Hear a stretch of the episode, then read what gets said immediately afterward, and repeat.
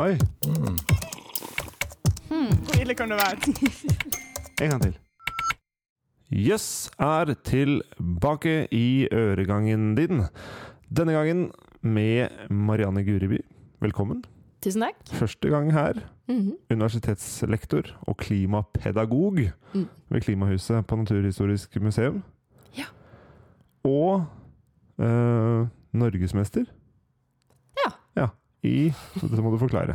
Speedpass på islandshest. Ja, eller speedpass, da. Speedpass Mm, heter det. For det er ja. passgang. Det er passgang. Ja. Mm, Islandshester vet du, de er ganske flotte og morsomme. De har to ekstra gangarter. Det er tølt og pass. Tølt og pass. Og da var det da Du var ikke god nok i tølt? Nei, jeg var ikke det, skjønner du. Jeg var ikke det. Men i pass eh, så var i hvert fall hesten litt bedre, da. Ja. Så det var det gylne år 2002 at jeg faktisk fikk en norgesmestertittel på speedpass, som da er 100 meter, hvor du skal få hesten til å passe så fort som mulig de Ja. 100 meterne. Og det er at de to høyreføttene går samtidig, og de to venstreføttene går samtidig. Stemmer. Ja. Mm. Jeg var i guidemusikken. Der gikk vi også passgang av og til hvis vi gjorde feil. Det er min, eh, min referanse til, til passgang. Aldri prøvd det med hest. Ehm, men eh, er det sårt at du aldri ble god nok i tølt? Ja, kanskje. Ja, nei, det er lagt det litt på hylla nå, det med hesteinteressen. I hvert fall islandshest nå. Så Ja. det hadde vært gøy å øh, Ja. Prøvd? ja. Hva med deg, Roger Antonsen? Hvordan er du i tølt og passgang? Ikke så veldig god, tror jeg, men jeg er veldig nysgjerrig på hvordan det høres ut.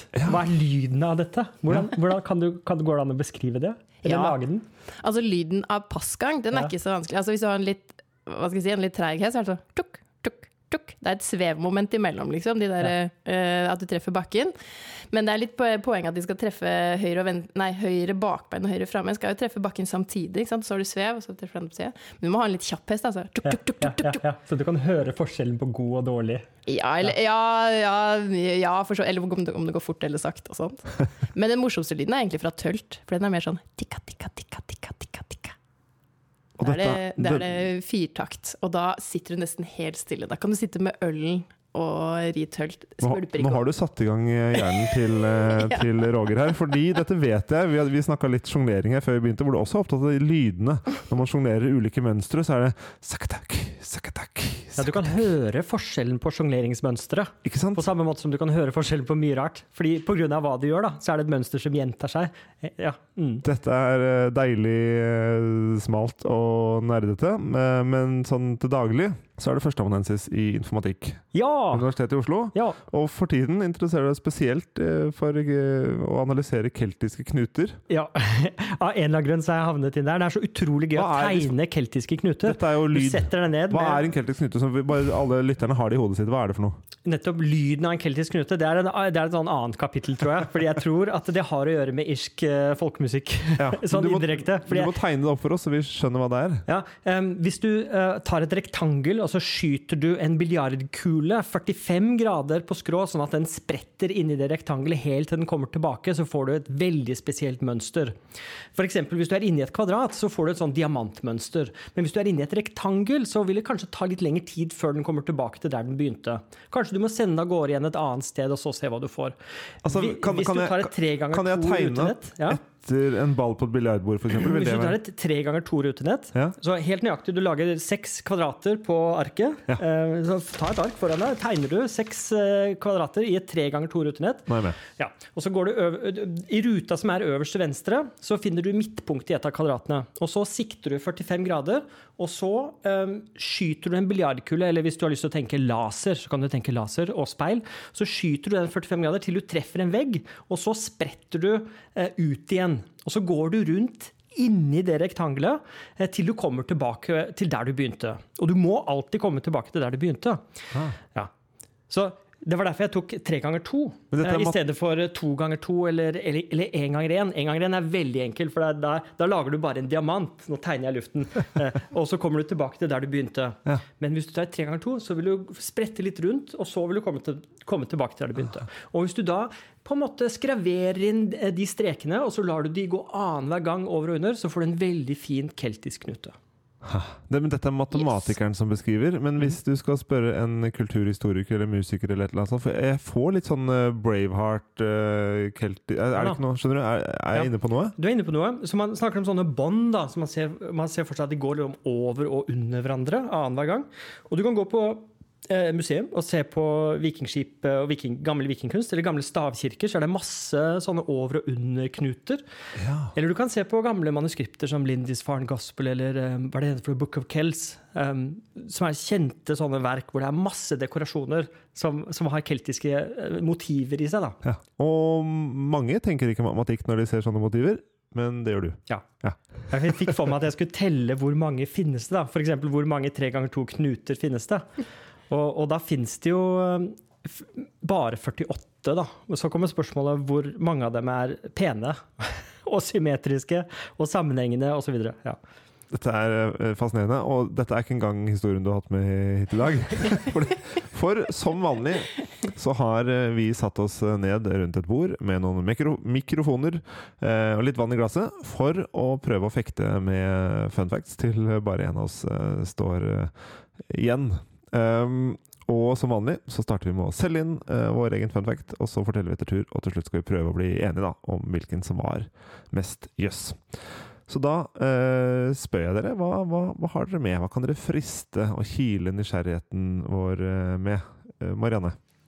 Ja, jeg jobber jo da på Klimahuset, så veldig opptatt av å nøle litt ekstra på det temaet kanskje for tida. Så ikke overraskende har jeg med et eller annet der.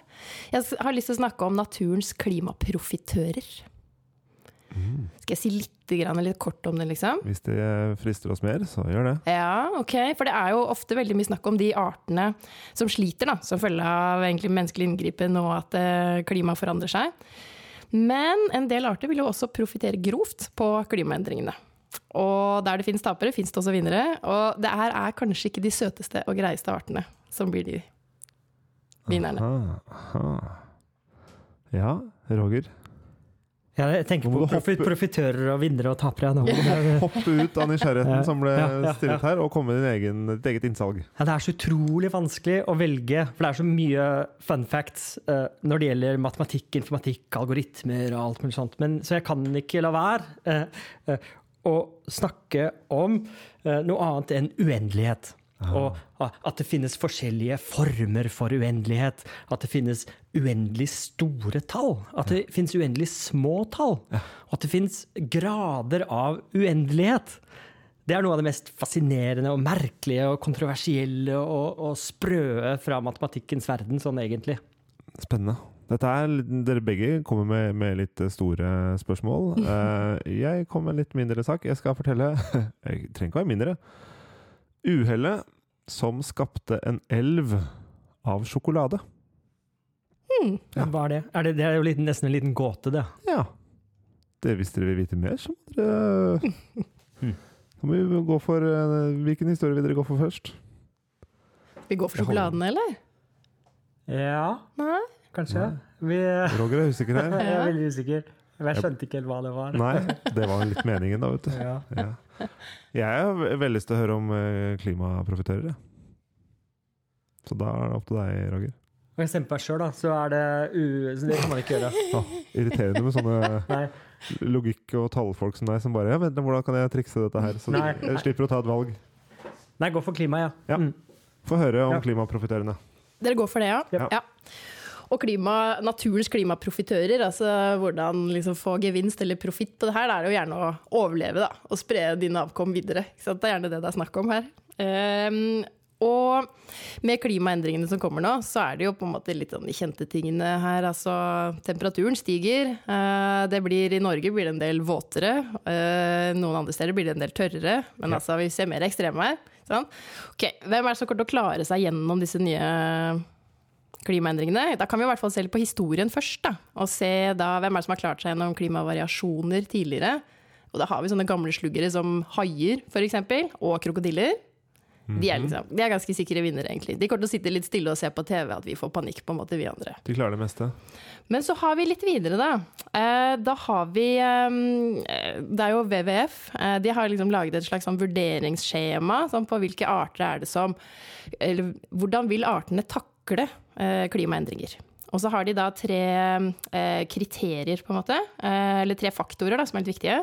Det første er da følsomhet eller sårbarhet for forandringer. Altså hvis du er veldig sånn spesialisert, altså hvis du er veldig kresen da, på hvordan du lever og hvordan du spiser, Ja. så ligger du ganske dårlig an nå. Ja. Um, det er da ja, Vincent, for eksempel, som er lydtekniker, han er veldig kresen på Eller er på noen områder kresen på hva han spiser. Han kommer til å ryke først, er det du sier? ja, spesialistene de vil slite, og generalistene de vil klare seg. Var dårlig gjort å henge deg ut, Vincent. Som ikke, han kan ikke ta til motmæle heller, for han er stum i denne podkasten.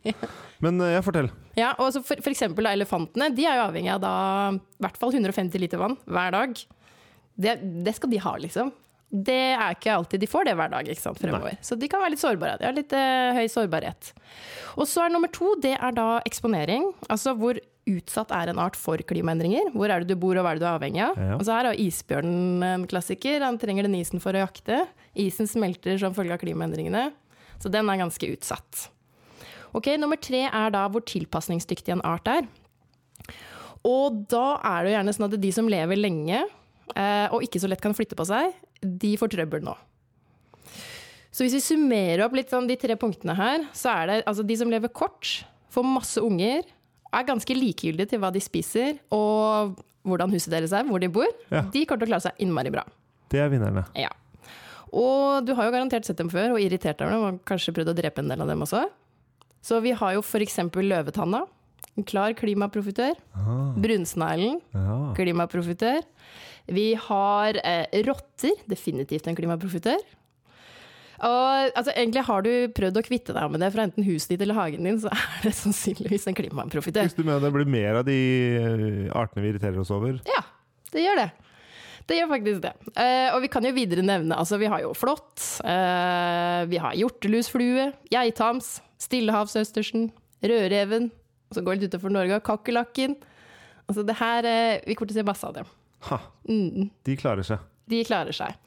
Og så er det jo eh, Altså, jeg har lest noen litt sånn artikler på det her som eh, spår det at det kanskje disse rottene, da Altså etter hvert når mennesket blir borte, så blir jo vi er et stordyr. Når vår nisje blir litt borte, så kan andre ta den.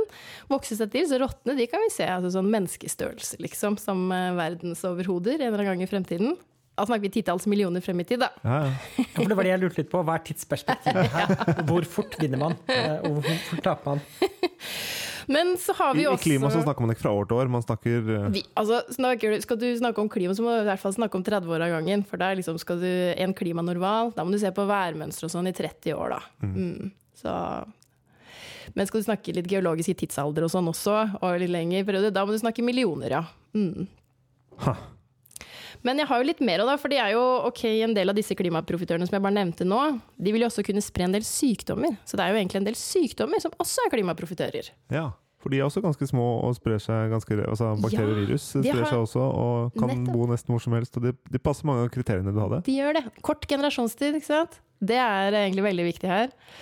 Så da, altså Fra flåtten så er det jo da borrelia eh, og sykdommen borreliose f.eks. Eh, rotter, som jeg snakka om i stad, de kan jo spre forskjellige typer sykdom. I Norge så er det kanskje ikke så mye sykdom, men vi har jo altså svartedauden. Eh, rottepesten er jo fortsatt der ute i verden ganske mange steder. Og så har vi jo disse som du snakka om, er liksom virus og bakterier. altså parasitter. Vi har jo encella parasitter som giardia, tarminfeksjon som ikke er så kul, legionella, eh, malaria, som er en sykdom som strengt tatt bare haiker med malariamyggen. Ja. Ikke? Ja. Så vi har, eh, vi har flere, flere der. Og så har vi jo virus. eh, Det er jo ikke, det er ikke, det er jo ikke-levende, altså. det er på en måte ikke en del av naturen sånn sett, men vi må jo nevne sånn at de også er med på leken her. Ja. De, altså, de kan jo fråtse litt sånn som de gjør nå.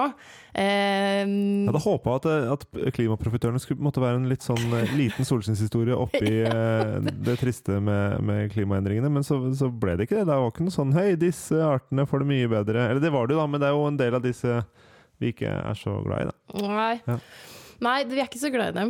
Vi prøver å bli kvitt dem. Og det blir mange av dem. Og de kommer til å utkonkurrere ganske mye andre. Så biodiversiteten, den, eh, den sliter. Altså biomassen, altså vekten av på en måte hvor mye sånn liv vi har, den vil kanskje ikke nødvendigvis gå så mye ned. Men det er jo diversiteten. Altså antall forskjellige arter vil dessverre bli litt prega av noen, noen få. Store. Og det kan hende vi må innom planter også. Eller trær. Men jeg vet ikke. Ja. Er dere klar for det, ja? Vi, er klare. Ja, for vi har noen profitører der òg. Roger klør seg i skjegget. og tenker. tenker, han må gruble, han må se det for seg. Uendelige tanker. Ja. Jeg tenker på det med tidsperspektivet. igjen, ja. hvor fort dette går. Ja. og, og, og det er jo ikke så lett å snakke om. Hvor målbart er dette? Og hvor lett er det å bevise uh, at en art overlever da, eller ikke overlever, eller endrer seg eller utvikler seg? Hvordan kan man sammenligne det med fortiden? Så Fins det noen målinger på det? Finnes det, eller fins det noen teorier på, på, på hvor mye?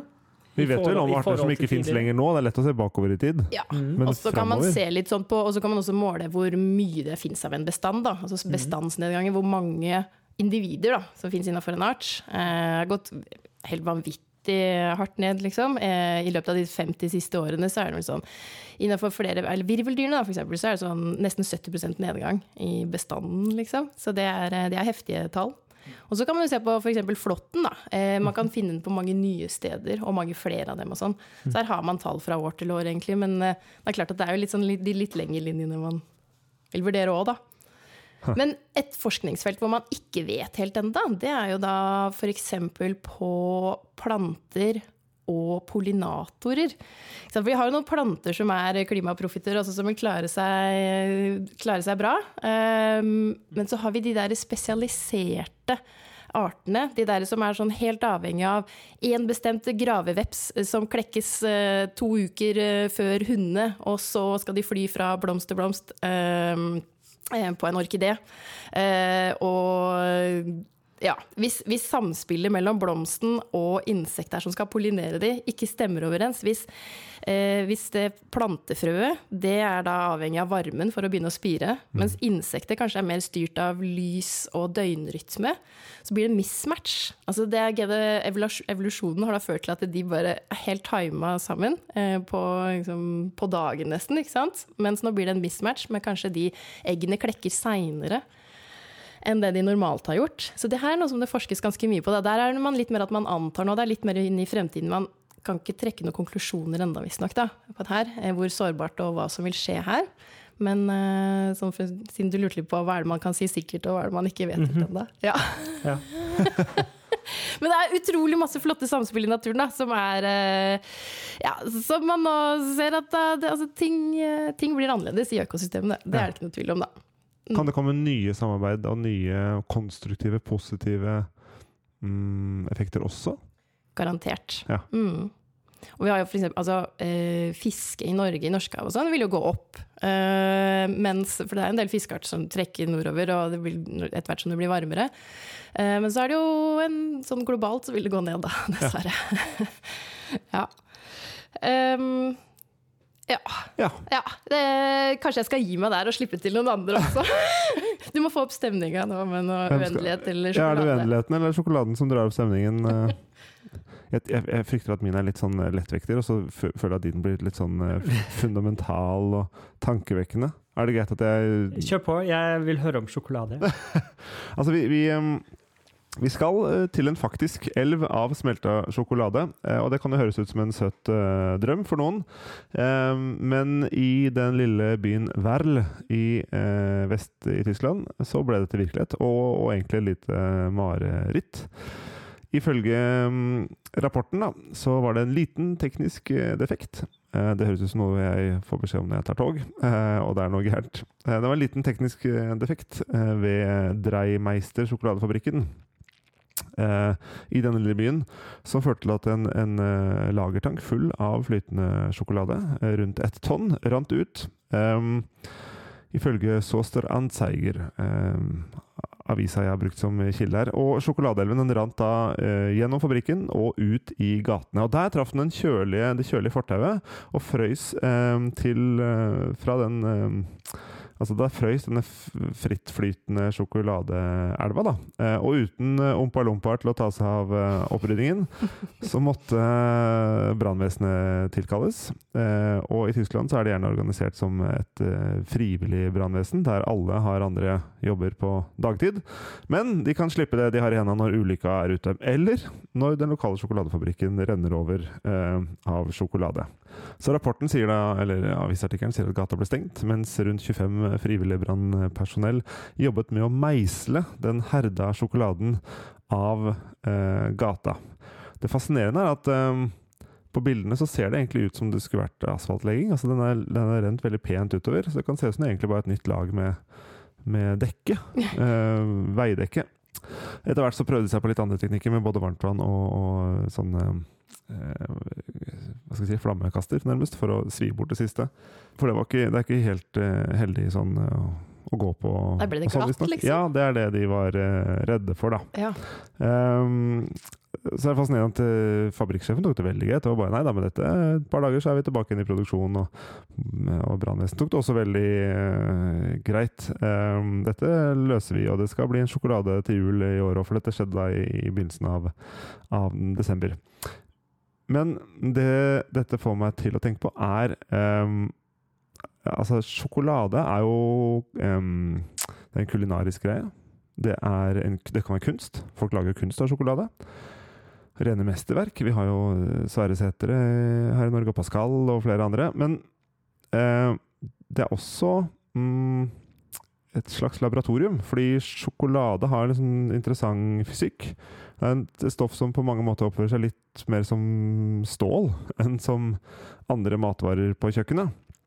Eh, og, og den er ja, det, det, gjør den kompleks og, og, og in, interessant. Um, sjokolade er en såkalt seksfaset polymorf krystall, eh, som betyr at når den er smelta, så kan den omkrystallisere seg på seks forskjellige måter. og Derfor er det litt, synes jeg det er litt fristende. Det er ikke en, er ikke en fullgod sammenligning, men litt fristende å sammenligne med, med grunnstoffet karbon, som kommer i forskjellige former. ikke sant? Du har karbon i form av diamanter, i form av grafitt, eller blyant i, bly i blyanten din, um, som faktisk er det mest stabile, mener jeg å huske. Og så har du nanorør og grafen og litt sånne fancy-schmancy greier. Ja, og det fins mange, mange forskjellige faser av karbon. Og på samme måte så er det forskjellige faser av sjokolade. Så jeg vet ikke, Har dere prøvd å lage noe av sjokolade selv noen gang? Sånn på kjøkkenet? Jeg prøvde å dyppe Til 17. mai så er det jo de eh, altså, jordbærene som man dypper i sjokolade. Ja. Har, da har jeg kanskje lagd et lite ansikt i den sjokoladen. Liksom. Ikke noe særlig Ikke noe mer, mer enn det. eh, kunstverk enn det. Jeg har også gjort det. Jeg lurer på hva som gjør at noen ganger så blir det elastisk, og noen ganger så blir det ikke elastisk. Jeg Bra. synes elastikk er noe av det rareste Ja, jeg vet For om. det, det henger Det er ikke helt uh, ute av det jeg har tenkt å fortsette med. Fordi øhm, det har veldig mye å si hvordan du behandler sjokoladen. Jeg har driti meg ut mange ganger. Altså Får du litt vann oppi, så er sjokoladen Mm. helt ødelagt. Uh, varmer du den opp eller kjører du den ned på feil måte, så blir det også bare sånn hard hvit, for sånn hvit belegg, og så er det helt sånn eh, knottete og fælt. Eh, mens de som kan lage sjokolade, lager sånn fløyelsmyk, helt stiv, helt glatt eh, greie. Og det er jo da ka kakaosmøret. Eh, det vegetabilske fettet som naturlig finnes i kakaobønner, som i stor grad bestemmer de fysiske egenskapene til eh, sjokoladen. Eh, og spennende nok så smelter de forskjellige eh, krystallstrukturene ved forskjellige temperaturer. Og det gjør at sjokoladeprodusentene de kan smelte sjokolade til en væske eh, for å ødelegge de eksisterende krystallstrukturene, og deretter styre temperaturen for å legge til rette for at det kun blir akkurat denne typen eller denne typen krystaller. Mm. Eh, ofte kjent som, som herding, som også brukes i karbonlegeringer som stål osv. Men um, når de tempererer den, så er det for å skape den akkurat den, den riktige. Den som smelter i munnen din, og ikke i hånda di. Den typen som har sånn glassaktig utseende. Helt sånn blank overflate. Jeg vet ikke om dere har vært i sånn sjokoladebutikk og sett i vinduet, så er det sånn helt glassaktig overflate på det som er bra. Og som har den derre skarpe knekkelyden når du knekker deg et, eh, et stykke.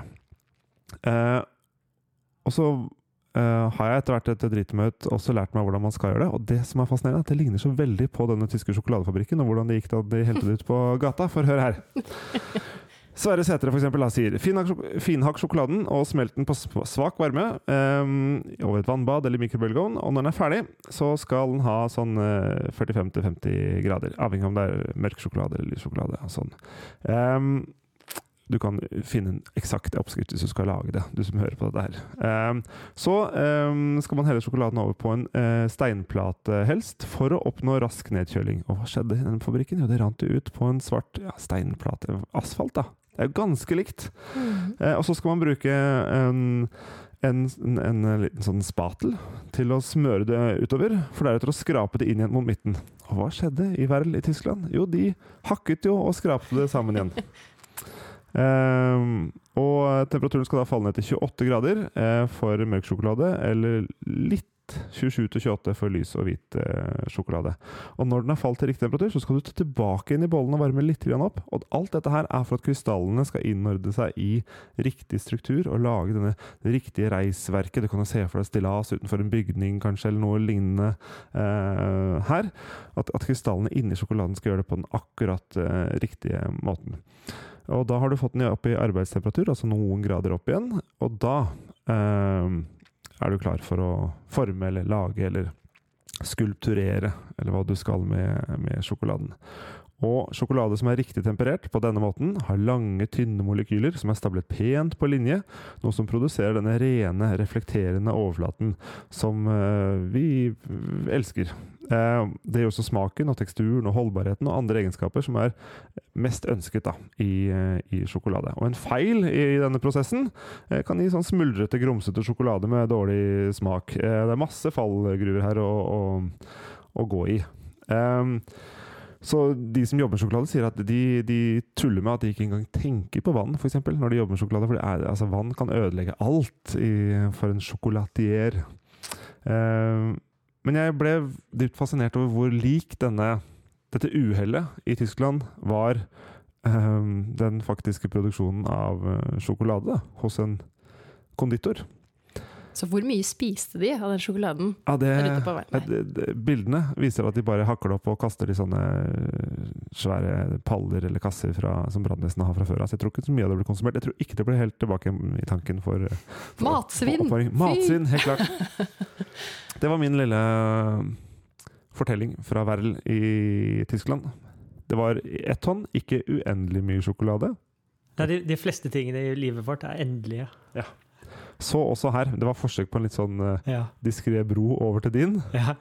En kort, endelig bro. Ja. Ja. Fortell da om uh, uendeligheten og hva som fascinerer deg. Nå tenker jeg fortsatt på sjokolade. Men uh, skal jeg skifte gir? Um, så det er få ting som er så fascinerende og rart som uendelighet. Og det er mange som til og med sier jeg mener at det ikke fins noe uendelig, alt er endelig. Så her må gjerne, her må dere gjerne eh, møte meg halvveis og diskutere, fordi eh, det er veldig mye å si om uendelighet.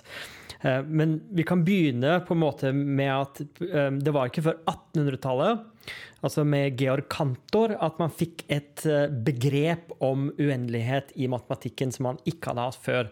Før det så var på en måte uendelighet det samme som Gud, eller noe ubegrenset som det bare finnes én av. Sant? Universet er uendelig, eller et eller annet sånt. Som er eh, et veldig abstrakt begrep om at det finnes ikke noe som er større. Så kommer Georg Kantor, en eh, tysk matematiker. På siste halvdel av 1800-tallet så klarer han å analysere uendelighet og si det at Men hør her. Denne mengden av tall er mer uendelig enn denne andre mengden av tall. Og det ble ikke godt tatt imot. Det var det jeg lurte på. Sa de andre bare 'Å ja, ja, hm'. De, var Nei, ikke, de, var, de var litt motstand her. Det de fikk ganske mye motstand også. Altså ikke den bare på puben, hvor de sier at "Nei, fy fader, sånn er det ikke. Men også av profesjonelle matematikere som hadde jobbet med heltallene i hele sitt liv. Kronecker var en av dem som sa eh, nei, du besudler ungdommen. Altså, du kan ikke holde på å lære de unge matematikerne sånne ting som dette. Eh, Hvis vi spoler frem til i dag, så er det Kantor fant ut helt standard. Det har blitt nå eh, helt over hele verden i, i de siste 100 årene, så er det det vi har, eh, det er det vi har lært bort. Og det er det Ja. vi lærer bort. Det er det jeg lærte på universitetet. Om uendelighet. Kanskje på videregående. Ja. Ja. Ja, og, og, så jeg vet ikke helt hvor vi skal begynne, men, men det finnes altså da forskjellige størrelser av uendelighet. Og vi har et begrep som heter tellbart. Noe er tellbart hvis du klarer å sette det i en én-til-én-korrespondanse med det vi kaller de naturlige tallene. De naturlige tallene det er 0, 1, 2, 3, 4 osv. oppover. Og så kan du se for deg at eh, det er uendelig mange av dem. Ja. Og så putter du de opp i en, en bag eller en bærepose, og da har du en uendelig mengde. Ja. Den, det er bare én mengde av naturlige tall, og den mengden inneholder da uendelig mange ting, som er de uendelig mange naturlige tallene. Okay. Alle de tallene du kjenner, og veldig mange flere, er da oppi der. Nå ser jeg for meg videre her at hvis, de som lytter på, mm -hmm. hvis de holder på med noe annet, hvis de driver og, og kjører eller, eller klipper gresset eller maler eller gjør noe annet, så kan det være nå må du legge fra deg litt ting og bare konsentrere deg, for nå Det er faktisk farlig Ja. å holde på med matematikk mens du kjører bil. Ikke sant? Så det er nå, nå nå trenger du de små grå eh, når Roger fortsetter, tror jeg. For jeg har prøvd å snakke med folk om uendelighet før, og jeg selv også må konsentrere meg. Men fortell, Ja. dette er Ja. ja, dette er én form for uendelighet. Ja, Se for deg at den bæreposen er full av mer Vi kaller de merkelapper. da. Du har liksom merkelapp 0, merkelapp 1, merkelapp 2. Og hvis en eh, Nå har vi en annen mengde. Nå kommer jeg med en annen, annen annen mengde her. bærepose. Legger den på bordet. Her Her er det en mengde. Ja. Og, og den er også uendelig. Og hvis jeg da klarer å bruke merkelappene fra den første bagen, Ja. og sette én og bare én merkelapp um, på hvert sitt element, så er den mengden som jeg nå kom rekende med, den er det vi kaller tellbar. Den er altså en, i en én-til-én-korrespondanse med de naturlige tallene. Ja. Det er definisjonen av å være tellbar. Okay. Og så kan du si ja, eh, da kommer jeg med en mengde, og det er mengden av partall. Å, ja, den vet jeg. Den er 0, 2, 4, 6, 8, 10, 12 osv. Den er jo mindre. Da er det det som er så utrolig vakkert med uendelighetsbegrepet som Kantor introduserte, at de er da like store. Fordi den er tellbar. Du klarer altså å sette merkelapp på partallene. Da setter du merkelappen 0 på 0. Mm. Setter du merkelapp 1 på tallet 2, merkelapp 2 på tallet 4, Ah. merkelapp 3 på tallet 6 osv. oppover. Da har de fått hver sin merkelapp. Da har du med andre ord laget en én-til-én-korrespondanse mellom partallene og de naturlige tallene. Ok. Så det er det vi mener med tellbar. Og det Så denne er serien av, av partall er like stor som serien av, av alle naturlige tall? Ja.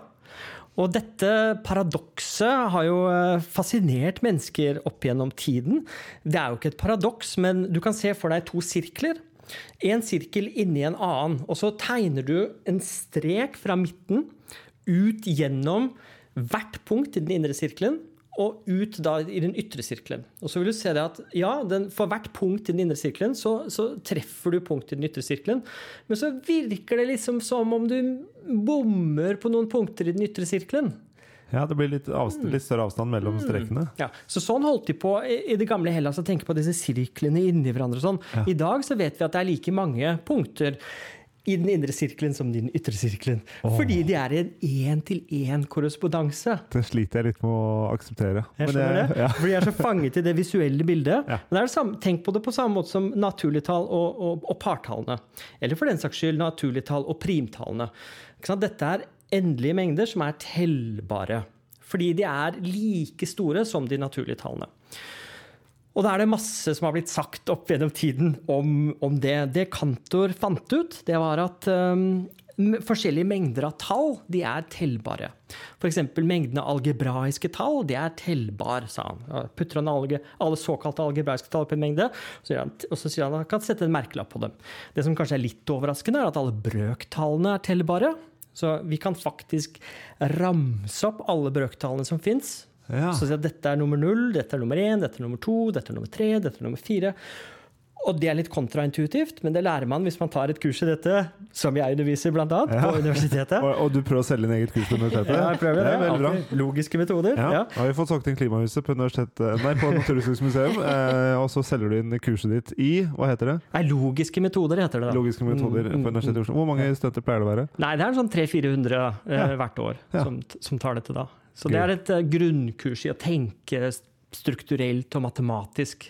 Um, og man lærer Bra. seg da disse begrepene. Men Kantor gjorde en analyse som var veldig presis. og Han sa da at hvis du tar reelle tall Altså, dette er de gode, gamle tallene på tallinjen. Nå tegner jeg en strek i luften her. Ja. Og det er en tallinje. Her er null, her er én, her er to, her er tre. Og så har vi alle disse små tallene imellom. Imellom, ja. Ja, og her er vi roten av to. Ja. Her borte har vi pi, og der er det e. Og, og langt der borte så har vi 100 000. Ja. Og så går vi også samme på, på minussiden. ja. Og det er noe annet enn naturlige tall, som du sa i stad. Ja. For de naturlige tallene det er 0, 1, 2. Det er en veldig sånn diskré Ja. eh, mengde. Eh, denne mengden her med reelle tall er eh, veldig, veldig stor. Kort fortalt så går det ikke an å sette merkelapper på dem.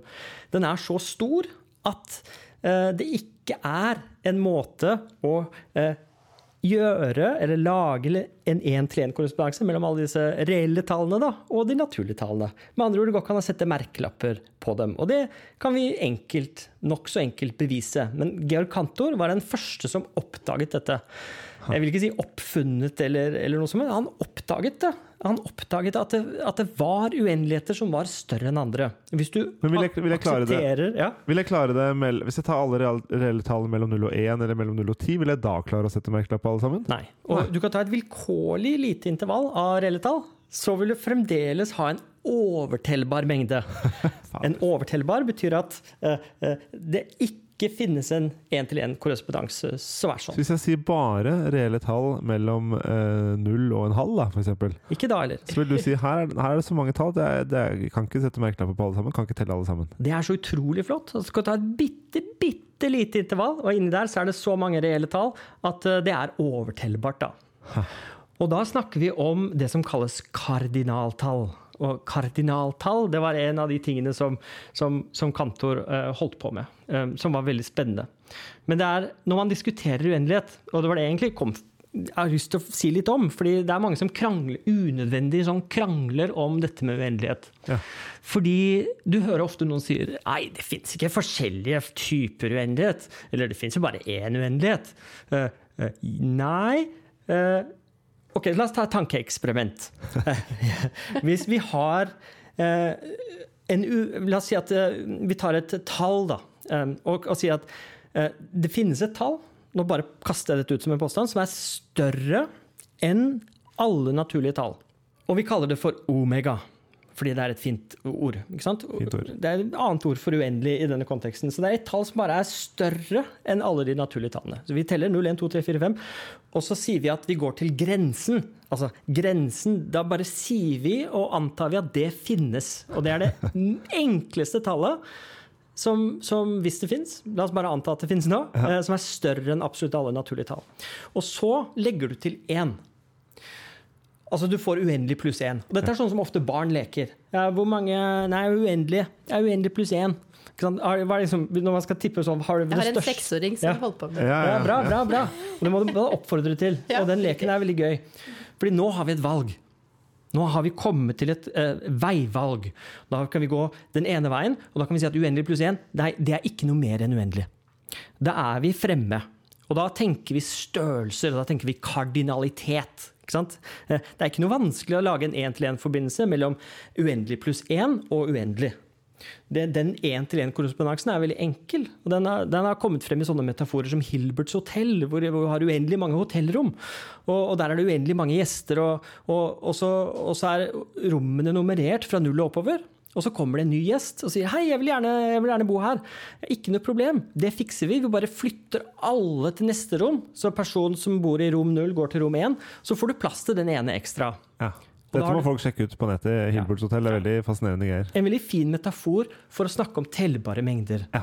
Men så kommer det, en, kommer det en buss med uendelig mange eh, Altså en, med, med et reelt tall som merkelapp, og så kommer reelle tallene kommer inn, så er det ikke plass på det hotellet. Det er noe av det som er moralen. Men det veivalget du er i, uendelig pluss én, du kan godt si at det er én mer enn uendelig. Fordi nå har du jo en hel uendelighet, og så har du litt til. Eh, bitte litt til. Og, og da får du uendelig pluss to, uendelig pluss tre, uendelig pluss fire, uendelig pluss fem. Og så fortsetter du, går du til grensen av det. Da får du uendelig pluss uendelig. Og det er helt greit. Vi kaller det uendelig ganger to. Og det er dobbelt så mye som uendelig. Og nå snakker vi ikke kardinaltall lenger. Nå snakker vi ikke disse størrelsene. Nå snakker vi om et annet uendelighetsbegrep. Vi snakker om det som Kantor kalte for ordinaltall. Og det har å gjøre med eh, rekkefølger. At det er nullte, første, andre, tredje, fjerde. Og da er man inne i et annet uendelighetsbegrep. Bitte litt Da snakker vi ikke om størrelsen på mengdene, vi snakker om hvordan vi har telt dem opp. For det er ikke noe vanskelig å telle til uendelig to ganger. Hvis du tenker på det, Se for deg at det er lang kø utenfor Vinmonopolet. Den ene køen er uendelig lang, og den andre køen er uendelig lang. Så du har to, Men det er begge tellbare. Det er, liksom, det er 0, 1, 2, 3, 4, 5 La oss si det er partallene og oddtallet. da. Det er masse som skal inn på Vinmonopolet, fordi nå er det snart eh, ferie. eller hva nå, hva nå den er. Ja. Så er det eh, alle partallene, 0, 2, 4, 6 på den ene raden, og så har du 1, 3, 5 eh, alle oddtallene på den andre raden. Da har du uendelig ganger to. Og så kommer det en tredje kommer det en til, da. Tredje kø. Ja, tredje kø. Da har du uendelig ganger to pluss én. og pluss 2, pluss 3, pluss 4, pluss fem. Og på den måten så får, det, får man det som kalles ordinaltallene. Så det vi beskrev, det vi begynte med, om tellbarhet og sånn, det kaller vi for kardinaltallene. Men dette her handler om ordinaltallene. Og vi kan holde på å lage uh, uendelig opphøyd uendelig, f.eks. Da er det uendelig mange køer uh, ganget uendelig mange køer. Uh, ganget uendelig mange køer uendelig mange ganger. Og, dit kan vi komme, og det er fremdeles um, tellbart, og alt er veldig fint. og da snakker man om andre typer tall. Så hvis man skal rydde opp i disse bar-diskusjonene ja, nå, nå, må du rydde opp her. Ja. Ja, så må du alltid være klar over hvilken form for uendelighet. Så seksåringen Eh, kan eh, vokse voldsomt på dette her med å få flere uendelighetsbegreper. Fordi det er ikke noe vei for å si at uendelig er, er, er gul, eller det absolutte eller et eller annet sånt, eller annet sånt rart. Om at det er noe sånn mystisk, magisk som, som aldri kan noe kan bli større enn. Helt greit, det. La oss kalle det for uendelig A. Og så er det ordinaltallene. Det er uendelig B, og så er det kardinaltallene, uendelig C. Så kan vi heller bare snakke om A, B og C-typetall, istedenfor å, å, krangle om hva uendelighet betyr. Så det er en måte å rydde opp i alle mulige slags sånne uendelighetskrangler på, da. Ja. Du tar liksom dette som jeg tror for, for en del som lytter det, Vi har veldig smarte lyttere, altså. Men jeg tror en del, som meg, er litt sånn Ok, ok, ok, hjernen, hjernen prøver å henge med, prøver å henge med. prøver å henge med uh, Og så ender du opp med sånn Nei, det er det samme. Det er A, B, C, de klossene du begynte med da du var uh, to år. liksom. Du er tilbake og gjør det så enkelt. Ja, og det er mye enklere enn klima, og det er mye enklere enn sjokolademolekyler. Fordi det er, det er rent. Det er ren tanke. Rent, ja, ja. Ja, det er noe sånn veldig vakkert og absolutt over dette. Her er vi tilbake til den, den, reneste vitenskapsformen. Altså det er matematikken som er, eh, som er renest. Mm. Mye renere enn en, en klimavitenskapen, som jo er full av forbehold ja, ja, ja. og biologien. Og fysj av meg. Fysikken er litt bedre, men ikke så veldig mye bedre, for det er også mye antakelser og mange ting der. Men det er alltid antakelser, da. Det, det er, viktig det. å vite om. Ja. Så det er alltid underliggende antakelser. Og de eneste antakelsen som ligger til grunn for mye av dette med uendelighet, er at du, du, kan ta det neste tallet, eller det neste, altså legge til én. Ja. Og det andre antakelsen er at du kan gå til en eller annen grense. Ja. Det er to ganske voldsomme antakelser. Det vil jeg si. Det er, men, det, men det er ikke så mye som skal til da, før du er inne i noe som har å gjøre med uendelighet. Takk. Dette var uh, dypt fascinerende. Uh, vi skal uh, runde av, og da sier formatet vårt at vi skal bestemme oss for hvilken disse historiene var mest jøss. Og de var jo kjempeulike. uvanlig ulike, vil jeg si. og det er gøy. Så nå lurer jeg på hvis dere skal prøve å tenke, ikke hvem som var flinkest, eller sånn, men hvem, hvilken av disse eh, fortellingene fikk dere i størst grad til å tenke Jøss. Yes. Hæ? Wow. Stemmer det? Jeg, stemme, jeg stemmer på at eh, det finnes seks former for faser i sjokolade, ja da. Jeg syns det var. Du fikk lyst på sjokolade. Ja. ja. seks faser. Seks. Det er helt utrolig. Ja. Ja. Ja, det er ganske imponerende. Men jeg ble jo mest wow, på en måte. Eller litt sånn slått i bakken, da. Hele de uendelighetene, da. Det må jeg jo si. og du har fått meg, Jeg er gift med en matematiker også, men du har fått meg til å lytte lenger og bedre på uendelighet. ja. Men, uh, yes. men uh, det er vanskelig å velge, altså. Ja, hva tenker du, Andreas? Jeg syns det er litt vanskelig, men hvis jeg skal gå etter den derre Hæ? Wow-følelsen, så tror jeg det er uendeligheten. Og, det, og det visste, jeg visste det ikke på forhånd, men det er jo det er noe eget med uendelighet. Og enda mer når det er snakk om ulike typer uendelighet. Mm. Så du får med deg uh, pokalen hjem. Den er yes. uh, uendelig liten. Så du kan ikke bære den eller sette den på hylla. Men gratulerer. Takk. Tusen takk for at dere kom hit, begge to. Tusen takk for at du lytter til Jøss. Uh, yes. Og så uh, dukker uh, vi, noen raringer, opp i øret ditt om litt igjen. Adjø.